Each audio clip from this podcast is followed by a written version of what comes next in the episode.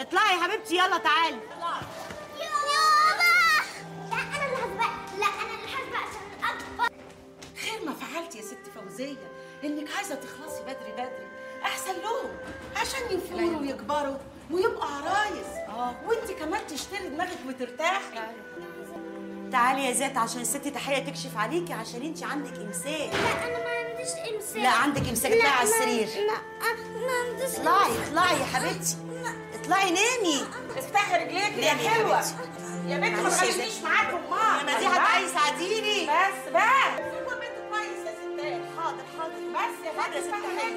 يلا حبيبتي. ما تغلبنيش معاكي. بس يا حبيبتي بس. ما تمسكوا البنت كويس يا ستات. بس مش شايفة العين.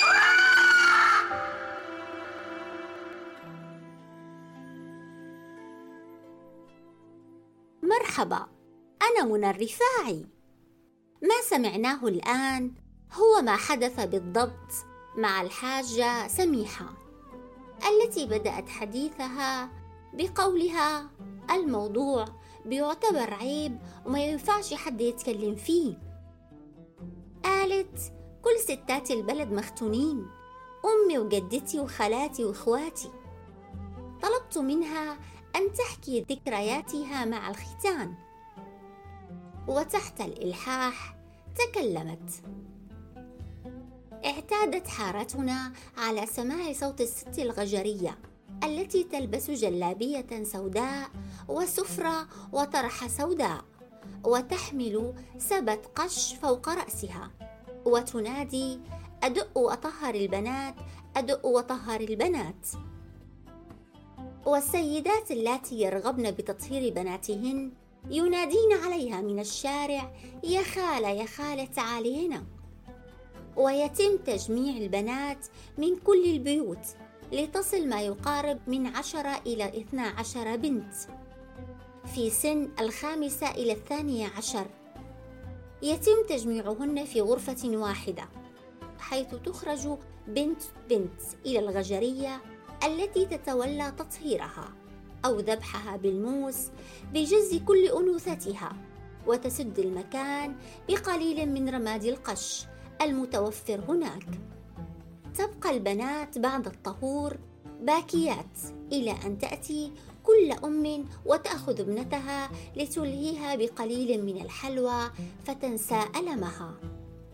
وبعد أن تزوجت الحاجة سميحة وهي دون الثامنة عشرة لم تكن تعلم أن الختان سيكون سببا في تعاستها الزوجية فكان كواجب عليها أداؤه بدون أدنى إحساس.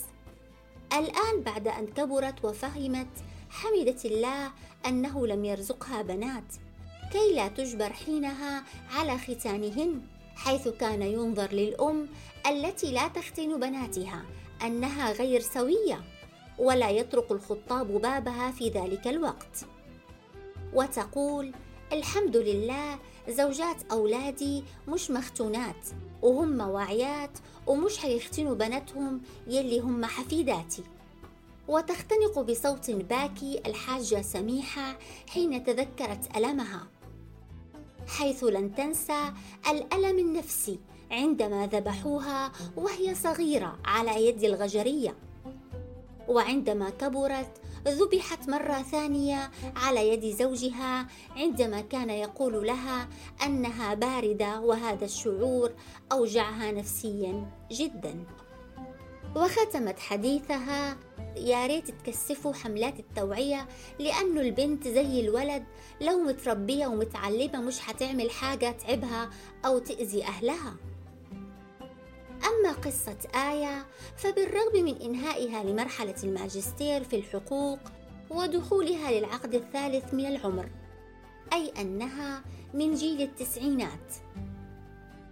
إلا أن ما حدث قبل ثمانية عشر سنة لم يغب للحظة عن مخيلتها وما زالت تعاني منه إلى يومنا هذا.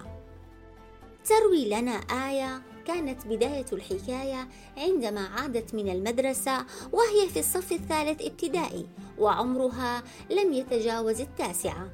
فقابلت أمها التي أخبرتها عندك حتة مش كويسة حنروح الدكتورة حتشيلها لك عشان تبقي بنت كويسة.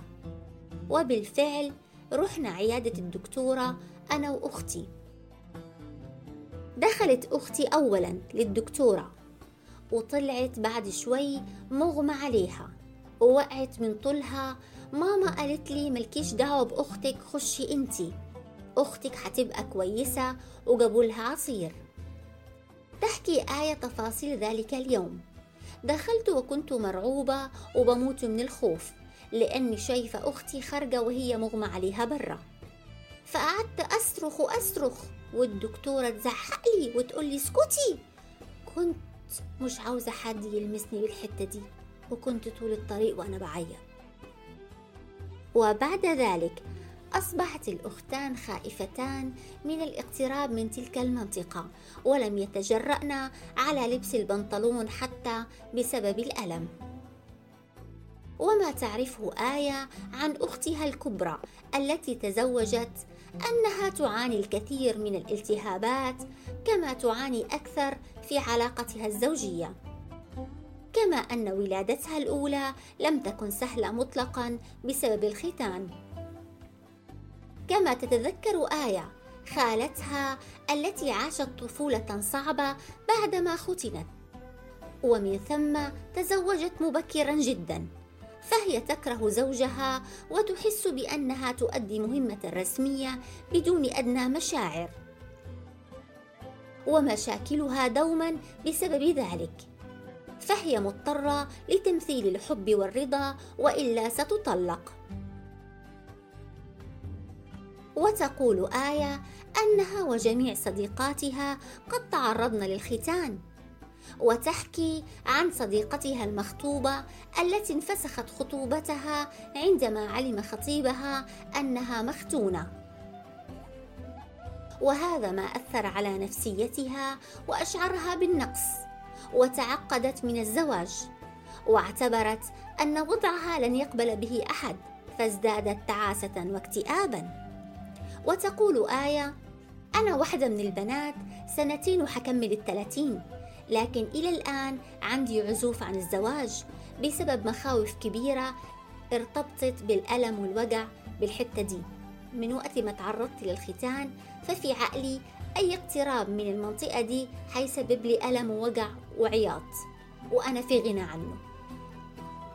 وأعربت عن سعادتها حين قالت أمي بعد حملات التوعية التي قامت بها الدولة ندمت أنها ختنتنا.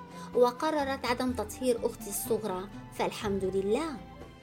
وتقول أنا برأيي الختان يدمر الفتاة نفسيا وصحيا وعاطفيا ويشعرها بالنقص والخوف من الارتباط خشية رفضها من الطرف الآخر. ونصحت كل فتاة تعرضت للختان وتعاني من مخاوف الارتباط.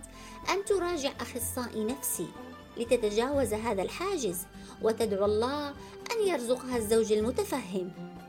ونحن بدورنا نشكر الحاجة سميحة والجميلة آية لتعاونهم معنا في هذه الحلقة.